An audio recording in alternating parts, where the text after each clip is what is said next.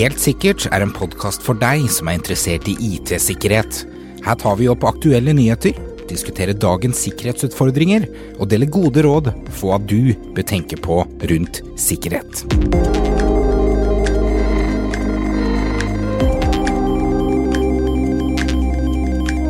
Det er noen systemer vi brukte mye fra møterom eh, når vi skulle snakke sammen med avdelingskontorer, andre partnere og sånne ting.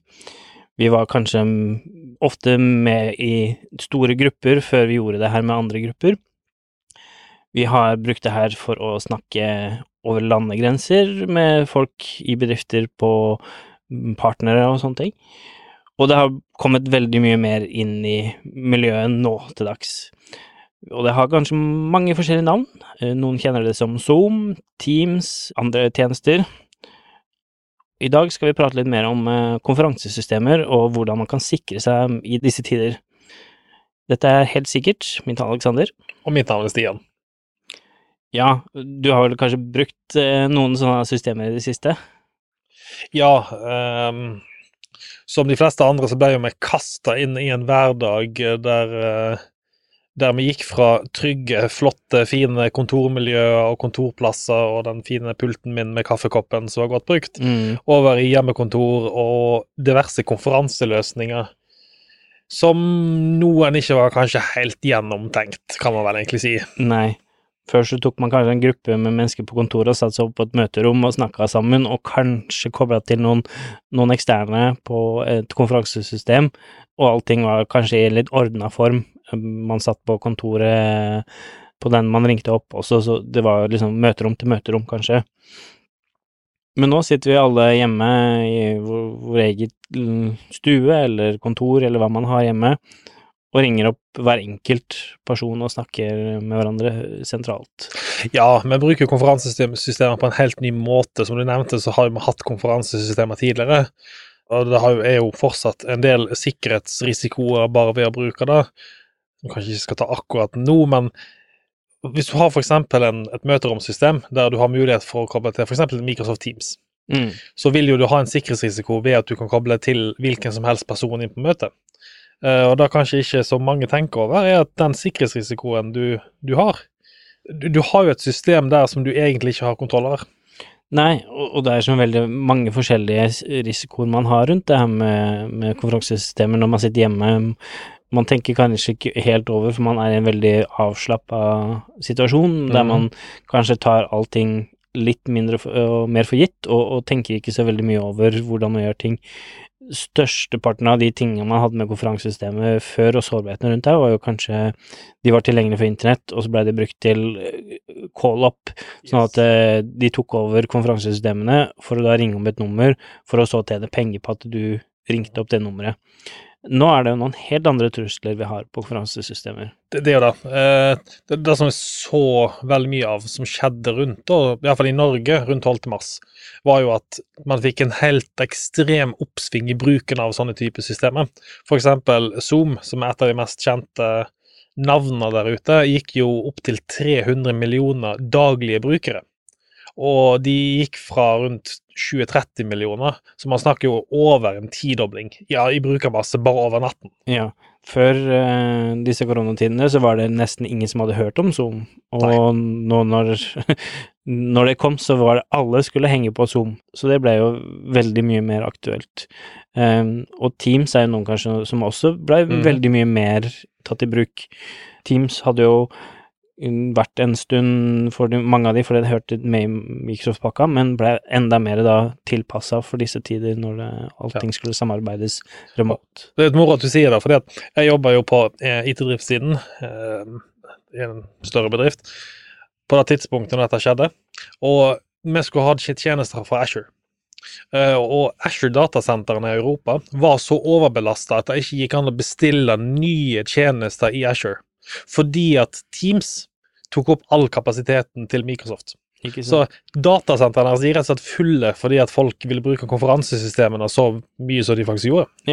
Jeg husker jo i, i starten så var det jo til og med Man måtte søke og vente og få, og, for å få tillatelse til å slå på tjenester Yes. i Teams. Jeg jeg vil si at det er en, det er en ganske unik situasjon for de leverandørene i tjenestene de havna i. Ehm, og, og selvsagt, jo flere brukere man plutter på en plattform, jo større risiko får man for sårbarheter i plattformen. Mm. Fordi det, det er jo veldig kjent at jo flere brukere du har, jo større mål er du. Ja, og, og når en ting blir mer og mer brukt, da, så er det jo flere som kanskje tenker over hvordan kan jeg misbruke disse tjenestene. Og når det er flere som bruker de, så er det mer aktuelt å kanskje gjøre de tinga. Nå prater vi ikke bare om det her med sårbarheter som kanskje er i plattformen, men hvordan kan en vanlig bruker misbruke eller kanskje gjøre noe feil? For eksempel sånn som vi har nok kanskje sett en reklame på TV et par ganger med noen som Uh, gjør ting De tar med kanskje Zoom-møte inn på toalettet uh, for man skulle være aktuelt å høre med, og tenker ikke over at kameraet står på og at allting blir filma, ikke sant. Ja. Så det er litt sånne sårbarheter som finnes, fordi man kanskje ikke tenker så mye om, og man er ikke i et møterom lenger. Kanskje den eh, Når du har et møte det foregår ting i bakgrunnen som kanskje Ja. ikke folk skal se. Eh, plutselig så er det noen som eh, Løper rundt naken i morgenkåpa eller eh, verre. man Mm. Vi har jo sett noen eksempler på det på, eh, på YouTube og diverse andre steder. Ja, det er veldig morsomme klipp og, og sånne ting som ligger ute på, på YouTube og sånne ting. Og til og med ting som man kanskje ikke tenker over at eh, personopplysninger kanskje er lett tilgjengelig å se på mm. bak deg. Du, du sitter kanskje på kjøkkenbordet, mm, og så er det en faktura eller et eller annet sånt som eh, henger på kjøleskapet bak deg, som noen kan da lett lese og, og kanskje stjele informasjon, Eller bruker han passordet til eh, serverne dine på en gullapp. for eksempel. Har ikke skjedd noen. Nei, Aldri før. Aldri Mm. før. Men eh, det kommer jo ikke under en, en stol at eh, det som Hovedgrunnen til at dette temaet kom jo opp, var som sagt ikke pga. brukeren, men det var pga. En, en stor nyhet som, eh, som sprakk rundt den 12.-15. mars. An, spesifikt angående Zoom. Eh, meg og deg vet jo at nyheter har en tendens til å bli en del overdrevet. I dette tilfellet så er vi nok kanskje begge enige om at den sårbarheten som ble presentert, ble presentert som den største krisen noensinne for noe system. Ja. Det var det sånn at eh, Zoom ble veldig kritisert for mange feil på på en gang, på kort tid. Og jeg tror nok det at det kom så mye opp i media, var nok på grunn av akkurat de tidene vi var inne i. Yes. For sånn som mange av de eh, funksjonene som ble kritisert for i Zoom, da, var jo bare noen måneder før Teams implementerte sånne ting som eh, at man skulle ha en eh, ventehall, eller eh, at man ikke Mm. kommer rett inn i et møte og sånne ting. Så akkurat de tinga som Zoom ble veldig kritisert for akkurat der og da, er jo noen som andre løsninger ikke hadde på plass Heller, sant, heller. Så, så, øh, men, men det blei veldig tatt opp i media, og folk blei veldig redde for å bruke ting. Ja. Og, og som du sier, sant, veldig mange nye brukere tok, tok i bruk Zoom. Og sånn som vi har prata om tidligere i podkast, så var det jo mange nye domener med phishing og sånne ting som var oppretta rundt Zoom. Yes, du nevnte rundt 2000 domener per dag eller noe sånt ble opprettet. Falske un, domener. Under en uke så ble det 2000 domener som inneholdt ordet Zoom, Ja, som ble sant. registrert. Og det det sier jo litt om hvilke målretta disse angrepene blir. og, og Det som bekymrer meg, er ikke nødvendigvis de 2000 domener som blir registrert, men eh, hvor mange domener blir registrert mot Teams som aldri kom i media, f.eks. Er det det som er store bekymringer for meg? Eh, men det, det er de man heller må være redd for. Ja, Så alle sånne domener som, som er knytta til en tjeneste, som da blir tatt aktivt i bruk, for kanskje noen sender ut masse e-poster, øh, last ned en ny Teams-versjon, eller last ned en ny Zoom-versjon, her er linken. Det har kommet en sårbarhet i, i Zoom, for eksempel, øh, her er en ny oppdatert versjon som sikrer deg mot de, og så blir du pekt mot en phishing-site, eller en side som inneholder en Zoom-kode med melder på. En av de sårbarhetene som kom i Zoom, eh, var jo en som den var for så vidt ganske stygg, da. Da skal jeg jo for så vidt ha. Ja, det er at hvis du registrerte et domene, eller en e-post, en konto, eh, som hadde et domene som var likt, så viste han kontaktdetaljene for alle de andre som hadde det samme domenet, fordi at han tolka det som du var i samme firma. Men den tok seg altså ut sånn som hotmail.com og gmail.com. Men et kasakhstansk firma eh, som leverte det e-posttjenester, fikk den buggen. Eh, ved at eh, bruker registrerte seg, og så så han plutselig kontaktdetaljene til alle andre i det selskapet. Ja. Og så var det litt tidlig i den eh, Zoom, i hvert fall sårbarheten der også, var at man trengte ikke å validere e-posten og brukeren du kom fra. Du kunne skrive inn hva du ville, Yes. og starte Zoom-møtet og sende ut en invite, men det var ingen som hadde validert den brukeren at det kom fra den e-posten. Så det, det er noen sårbarheter som, som absolutt kom i Zoom som var litt kritisk, men det var nok mange av de sårbarhetene de har hatt som ble veldig mye blåst opp, som også Ja. gjelder veldig mange andre møte- eller konferansesystemer. Og eh, altså, jeg husker jo at uh, det var et norsk system, jeg husker ikke navnet på det. Der kunne man rett og slett bare skrive, skrive e-posten sin, og starte møtet, og så starta det møtet. Mm. Uh, uten å verifisere e-posten. Men det det er jo gjort fordi at man har lyst til at de skal ta i bruk tjenesten uten å måtte registrere seg først. Bare test tjenesten og se hvordan den er, og så kan du heller registrere deg etterpå. Eh, og jeg- skjønner jo hvorfor. Så, så det er dette her, som, som du sier, det er ikke et Zoom-problem, det er et bransjeproblem. Mm. Det er et bransjeproblem, og det å komme lett i gang eh, uten å kanskje tenke over at folk vil ta det når det kommer fra en e-post, eller kom, det møtet er registrert med en e-post man kjenner til, og se på det som en godkjenning, da, at det her er no, kommer fra noen som Et av de andre utfordringene som dukker opp i media, var jo dette her med en, en norsk skoleklasse som plutselig hadde fått inn porno, eller en stream som viste porno, på en av møterommene. Ja. eh, som også ble haussa opp veldig masse. Dette var en norsk leverandør. Jeg husker ikke spesifikt navnet på den norske leverandøren tjenesten, eh, men det ble haussa veldig mye opp i media. Og så dette her var et stort problem, og dette her var en stor sårbarhet, og de prøvde jo å få dette haussa opp for å bli en sånn type Zoom-feil.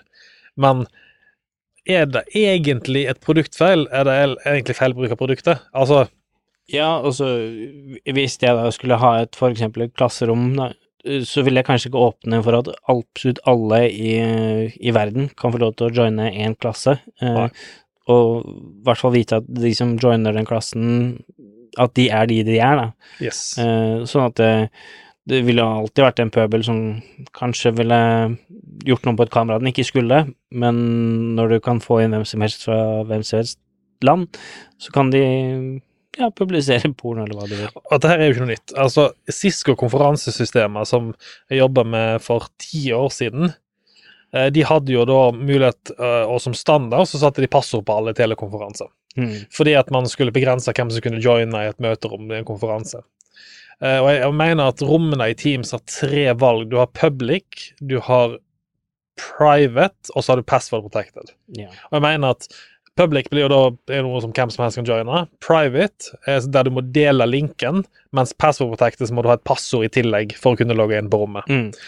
Og nå begynner jo flere og flere tjenester å, å, å, sette passord som default, da, sånn at ikke hvem som helst kan bare prøve å joine. For, for det, den koden for å joine, ofte sånn som for Zoom, Zoom og, og Teams, den koden for å joine et møte, den er jo veldig enkelt å random Yes. teste, og så prøve å joine et møte man ikke hadde tilgang til. Så det var kanskje den, den norske leverandøren der de begynte med det, de begynte å sette passord på alle rommene som de fulgte, og så måtte man fysisk inn og si at man ikke skulle ha passord på rommet. Mm. Så jo, jo, de har jo forbedret sikkerhet, men jeg vil ikke si at de har At dette er Altså, hvis du, hvis du har en bil, eh, og den bilen kjører på motorveien Hvis du velger å kjøre den i 180, og så krasjer du i et tre, så har fortsatt bilen sikkerhetsfunksjoner som skal forhindre at du krasjer i normale tilstander. Mm. Men hvis du velger å bryte de, og ikke ta hensyn til sikkerhet, for... så, så kan ikke du, den som lager bilen, forhindre det på noen måte. Nei, for mange, mange av de tinga som blei kritisert med flere konferansesystemer, er jo noe som egentlig ligger i tjenesten fra før, sånn som passordbeskyttelse, eh, det som vi har nå som venterom og sånne ting, var jo ofte en funksjon som fantes i de løsningene, men var ikke slått på, så de som måtte lage møterommet, måtte faktisk slå det på aktivt sjøl. Og da er det jo litt brukerfeil i mye av de tilfellene som gjorde at eh, mye av de hendelsene som vi hørte om i media, kom opp da. Så kan vi kanskje snakke litt om eh, kanskje den største feilen som alle disse konferanseleverandørene gjorde, var ikke rett og slett å ikke gi brukerne god nok opplæring når de først tok i bruk appen. For eksempel eh, ganske mange applikasjoner, jeg vet at eh, Sofos har det, og jeg liker den. Når du logger deg inn første gangen i webgrensesnittet til Sofos, så får du en sånn sort skjerm. Og så får du sånn ikon som popper opp og sier her er brukernavnet ditt, her kan du klikke for å ta ned menyen, Her kan du klikke for å få endpoint-informasjon, Mm. så videre og så må du klikke på OK, jeg har sett informasjonen første gang du logger inn. Eh, og kanskje irriterende hvis man ser det flere ganger, men da vil iallfall hjelpe her i disse tilfellene og gjort et sikkert møte. For da har du tvunget de gjennom en sånn basisopplæring Mm. og kunne sagt at klikk her for å sette passord, klikk her for å eh, slå på venterom, for eksempel. Og, og før det her med, med korona og Zoom og sånne ting, så var jo eh, for oss da som jobber litt med sikkerhet, Zoom et verktøy som vi skrøt veldig av, fordi at Zoom hadde funksjoner der du kunne kryptere et konferansesystem fra ende til ende. Yes. Og, og det var vel Zoom egentlig et av de få systemene som faktisk støtta ut av boksen utenom spesielt. Og det også er jo en ting som ikke folk tenker mye opp i dag, når vi prater sammen over konferansesystemer. Hvem lytter? Er det bare de du, du snakker med i møtet, som faktisk kan høre på hva du sier? Eller eh, kan for eksempel sånn som med Teams, all den dataen man streamer over Teams, er det noen kryptert måte å, å som noen kan snappe opp og høre på uten å delta i det møtet, da. Det, er sånn vrient, fordi Zoom ble kritisert fordi at de ikke hadde god nok ende-til-ende-kryptering. Men det er ganske vanskelig å få god nok ende-til-ende-kryptering. De hadde ende-til-ende-kryptering på tekst. Det vil si at hvis jeg sender deg en beskjed, så er det kun du som kan lese den. Mm. Det vil si at det er kun du som kan dekryptere den. Mens på video og voice så må du gå via en tredjepartsserver. Ja. Det, det er veldig vanskelig å opprette en tilkobling direkte når det kommer til voice. Fordi at det vil si at jeg må ha en tilkommer direkte til din PC. Det vil også si at du må ha en port som er åpna, den må være åpna i brannmuren. sant? Det, det, det en Det, det finnes tekniske Ja. løsninger på det, og, og det er noe jeg jobba med i det siste også. Vi vi kaller det turn, uh, turn stun server, uh, mm -hmm. som lager en sånn tunnel imellom, Yes. som, som da kan gjøre kryptert. Så du kan få kryptert videosamtale fra ende til ende hvis man vil. Noe av kritikken på Zoom og sånt var jo det at uh, den krypteringen de hadde valgt, uh, var ikke en veldig høy kryptering, Nei. men noe kryptering kontra andre løsninger som ikke hadde noen form for kryptering, er bedre. er bedre. Ja. Man må jo se litt de tinga som kommer opp i, i media for hva de er, og, og kanskje kritisere andre løsninger for det samme uten at man skal Men Altså- det er jo sånne ting man må se litt på og, tenke på at sikkerhet rundt konferansesystemer er kanskje noe man må slå på i noen tilfeller som ikke automatisk er påslått, sånn som her med endekryptering og, og passord på møterom og sånne ting. I mitt hode så er konferansesystemet litt en uting, spesielt dette med video. Du nevnte tidligere at når du slår på video, husk hva du har bak deg. Mm. Jeg har aldri sett poenget med at hvorfor jeg skal være på video når jeg snakker med noen på konferansesystemet. Hvorfor skal de sitte og se meg inn i ansiktet mens jeg sitter der? Nei, Jeg har ikke skjønt det. Jeg har bare, jeg har bare ikke skjønt det prinsippet. Det, det er sikkert bare meg, fordi at uh... det, det, det er nok litt av det som gjorde at Zoom tok seg av, da. Fordi at uh, med andre konferansesystemer så så du kun den som snakka, i, i, og videokameraet til den, men i Zoom så kunne du se alle på en gang. Og det er nok det som gjorde at Zoom tok seg av. Ja. Eh, så akkurat jeg ser at noen har behov for det å se hverandre og ha kamera på, men jeg tror nok vi to er ganske like. Jeg, jeg liker ikke helt å ha videokamera på når jeg Nei, på det, det er noe med å bli filma og litt forskjellige ting, og kanskje ikke best foran kamera. Derfor vi har den fine podkasten her, fordi jeg kan være i mikrofon og ikke være på film. Selv om noen andre har et visst ønske at vi skulle hatt noe kamera i rommet òg, men vi får se hvordan det går. Tror ikke det blir så veldig presentabelt, kanskje. Men eh, det, som er noe mitt største dratips ut av dette her, er at nå, nå har dere hatt gode to måneder på dere. Eh, Dere har gått god tid til å normalisere tilstanden litt, for å si det sånn. Mm. Nå er virkelig tidspunktet dere som er der ute, nå må sette dere ned, og så må dere finne et system som er best for deres bedrift. Fordi nå har dere kanskje noen brukere som bruker Zoom, dere har kanskje noen som bruker Teams, dere har kanskje noen som bruker Skype, noen som bruker Facebook, og litt forskjellige andre løsninger. Og hvis ikke dere fra starten av nå har vært ute og sagt at alle skal bruke Zoom, alle skal bruke Teams, så finnes det noen masse forskjellige løsninger som er i bruk, og det er Mm. totalt umulig å få kontroll over sikkerheten. Nå må dere sette dere ned og finne en løsning som faktisk kan fungere for hele bedriften, og som understøtter alle behovene dere har. Og da må dere være forsiktige med ikke bare gå i media og så høre på disse ryktene med store sårbarheter og sånt. Ja, for det er mange av de sårbarhetene som ble kritisert for flere løsninger eh, tidlig, er jo da blitt aktivt patcha og, og tetta igjen, så, så de sårbarhetene som kanskje da akkurat der og da ble tatt opp i media, gjelder ikke lenger, eh, men kanskje nye andre sårbarheter, andre løsninger, eh, har kommet fram. Så man, man må ta og kanskje gå gjennom flere tjenester og se hva slags funksjoner de har, og, og finne ut hvilke funksjoner man faktisk trenger, og hva man burde slå på som default Yes. og, og ikke. Og så ta en gjennomgang på alle møterommene deres. Sjekk hvilke integrasjoner de, de støtter. F.eks. For eksempel hvis det er mulig å hoste Teams-møte på møteromsystemene, så bør dere kanskje sørge for at sikkerheten er enabla på de møtene òg, i tillegg, slik at Mm. dere, det er ikke mulig å publisere f.eks. et public møte på et uh, møterom på kontoret når folk kommer tilbake og er vant til å bruke f.eks. Teams. Og, og vi ser jo på sånn som det vi pratet om, at eh, det kunne skje ting i bakgrunnen eh, på konferansesystemet, så har det kommet flere og flere ting. Jeg så Zoom og Teams hadde funksjoner der du kan slå på at bakgrunnen din er noe Yes. helt annet enn den faktisk er. Så da kan man kanskje hindre det at folk snapper opp passord eller ting som man skriver på en lapp bak, eh, eller noen plutselig dykker opp i bokseren i bakgrunnen. Eh, Beste er hvis du eh, tar bilde av deg sjøl mens du sitter foran webkamera, og så slår du på deg bildet, og så går du. ja. Eller du kan også sette på video på Teams, så du kan sitte og nikke. Mm. det, og Finnsmetten setter ingen grenser når det kommer til hjemmekontor, altså. Ja. Og, og kanskje det at man de, de møtene man har Man er veldig kritisk til at den personen som joiner, er faktisk den personen man Ja. vil ha i møte. Eh, I hvert fall når det er kanskje litt store møter, er alle som er i møte, de personene de skulle ha med.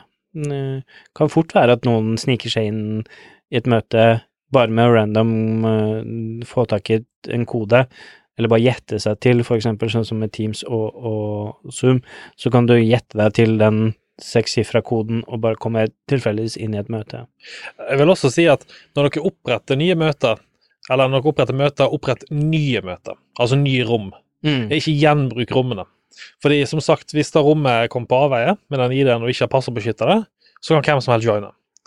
Så når du booker et nytt møte, da, ta create new meeting og få en ny ID. Ja. Uh, har vel nå i det siste hatt litt mange møter, uh, og kanskje da gjenbrukt uh, en, et intent møte med noen som var ment til én ting, og så skulle mm. vi bare ha et kort møte, så plutselig så dukker det opp noen andre i det møtet som egentlig ikke trengte å være med, og komme med sine innspill uh, uten at den trengte å være med. Den, det møtet gjaldt ikke den personen i det hele tatt.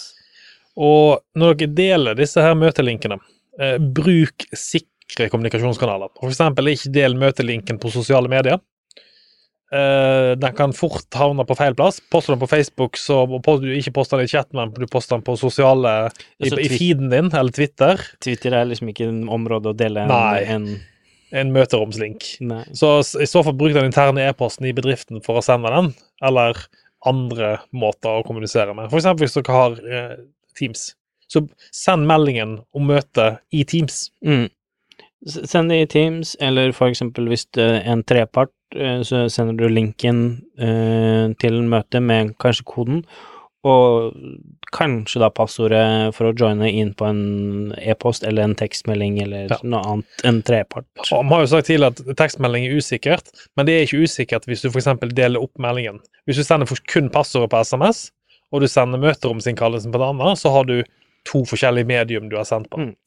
Og hvis du jobber med eh, sikrere systemer, så er faktisk eh, er godkjent å sende halve passordet på SMS og halve passordet på e-post. For da har du splitta opp passordet i to. Mm. Og da kan du faktisk sende passordet i klartekst. Ja. For da må du ha to plasser du faktisk Og enda sikrere tre plasser. Hvis du er ekstra smart, så sender du en tredjedel på SMS, en tredjedel på e-post, og så sender du den siste tredjedelen på post. Ja, vente til den kommer fram. Så, så er du helt sikker på at ingen kommer til å snappe opp det passordet. Mm. Så finnes det andre sikre måter å kommunisere Det er det som er på, kryptert, som også er litt- det. Signal eller eh, andre form for Ja, Signal er vel kanskje noe som vi ikke har snakka så, så veldig masse om, som vi kanskje burde ha nevnt. Ja, eh, det, det kanskje Det går litt under konferansesystemet det også. Ikke så veldig direkte, for du får ikke hatt så veldig mye kommunikasjon mellom Jeg, kjenner, jeg tror ikke sånn- de støtter video, de støtter voice. Ja, de støtter voice, og, og de støtter tekstmeldinger eh, Ja. og sånne ting. Men, men Zoom og sånne ting som da har kryptert ende til ende, som vi Mhm. pratet om tidligere, så har Signal kryptering fra ende til ende. Så hvis for eksempel mm, meg og deg kommuniserer, og du for eksempel bytta telefonen og logga på med den med dataen, så får jeg beskjed om at koden din er endret. Ja. Og da er det Nå må jeg kanskje validere, ta opp telefonen og ringe deg, har du bytta, Mm. eller var det noen som tok og stjal eh, koden din eller tilgangen til eh, Yes. Signal? Og, Signal er da en tjeneste som er ansett som sikker av sikkerhetsmyndighetene i Norge. Så da, det skal være sagt at det er en tjeneste som er anbefalt i bruk, Mm. og sikkerhetsmyndigheter i utlandet. Eh, Det er også en tjeneste som har åpen kildekode, så det er sagt. Hvem som Mm. helst kan inspisere kildekoden til Signal. Yeah. Uh, Og i tillegg til det så, eh, så, så er det endet, full ende-til-ende-kryptering der. Og, og det er jo sånn som Signal har reklamert med sjøl, at de- kan lett gi tilgang til myndigheter og sånt hvis de søker om å få tilgang, Mhm. Uten at noe data fra Yes. brukerne blir blir. De kan ikke lese noe data som mellomledd. Så det er en anbefalt tjeneste for dere som har lyst på noen, et sikkert alternativ til SMS og vanlig telefon. Ja. Jeg bruker Signal-appen min til både SMS og Signal-applikasjoner. Så fort jeg da begynner å snakke med en person som har Signal registrert på telefonnummeret sitt, så foretrekker den å sende en melding over Signal framfor å Så vi kan kanskje avslutte med det. Bruk Signal. Eh, ikke bruk konferansesystemet. Nei, det var kanskje feil. Det var helt feil. Ja, det var helt feil, ja. Mm. ja bruk konferansesystemet, men bruk det sikkert. Bruk konferansesystemer og gjør det på en sikker måte, og slå på sikkerhetsfunksjonene du føler at er nødvendig. Ja. Uh, for eksempel det med venterom, passord, ende-til-ende-kryptering hvis, hvis det er noen ting man er redd for at skal komme på avveie. Man vet aldri om den trepartsleverandøren som du da bruker eksempel eh, ja, Teams, Mhm. om noen på Microsoft sitter og tar opp alt det som blir sagt, hvis ikke det er en ende-til-ende-kryptering, eksempel. Eh, Nå registrerte Microsoft akkurat en patent på akkurat det her med å lytte over video, så Mm. hm, Ja, Teams Teams eh, falt litt i boka mi der, men mm, Jeg vil nok kanskje avslutte også med ta kontakt med IT-partnerne deres. Eh, hvis dere har det i dag. Hvis dere ikke har det, skaff dere en IT-partner, for de vil sitte på informasjon som regel om de fleste Microsoft-produkter og andre produkter som eksisterer. Har dere f.eks. Office 365 i dag, så er det godt mulig at dere har tilgang til Teams Ja. eh, i pakken allerede. Så da er det kanskje ikke noe poeng å benytte f.eks. Zoom som uten som er støtta, hvis dere allerede har en IT-partner som er ekspert på Teams. Ja. For, for eksempel, eller dere en IT-partner som er ekspert på Zoom. mm. Og man må jo vurdere funksjonalitetene opp mot Yes. hverandre, ikke sant. Hvis, hvis det å kunne se flere mennesker på en gang er veldig aktuelt uh, for dere som har konferansesystemene, så er kanskje sånn som Zoom et mer egna. Nå vet jeg at det er en feature request som Microsoft sier at de skal komme med, at du kan kunne se alle på en gang, men øh, de Den har er kommet, eh, og eh, noen jeg kjenner har aktivert den. Det er en veldig La oss si, jeg liker ikke funksjonen med å sitte og se på alle sammen samtidig. Nei. Det er en veldig forstyrrende når du har eh, 50 stykk i rommet, og det er alltid noe bevegelse på den skjermen fra noen. ja. Men uh, kudos til de som liker det. Det er sikkert noen som ønsker å sitte og på alle samtidig. Jeg er ikke en av de, men jeg tenker da var det for denne episoden her, tenker jeg. Ja. Nevnt en god del her, så Det tror jeg. Eh, Og um, igjen, hvis dere har spørsmål til oss angående konferansetema, ta gjerne bare kontakt med oss. mm. Vi, vi sitter på mye erfaring, både god og dårlig. Ja. Eh, så, sånn sagt mellom oss lyttere i denne podkasten, så bruker vi f.eks. både Teams og Slack internt. Ja.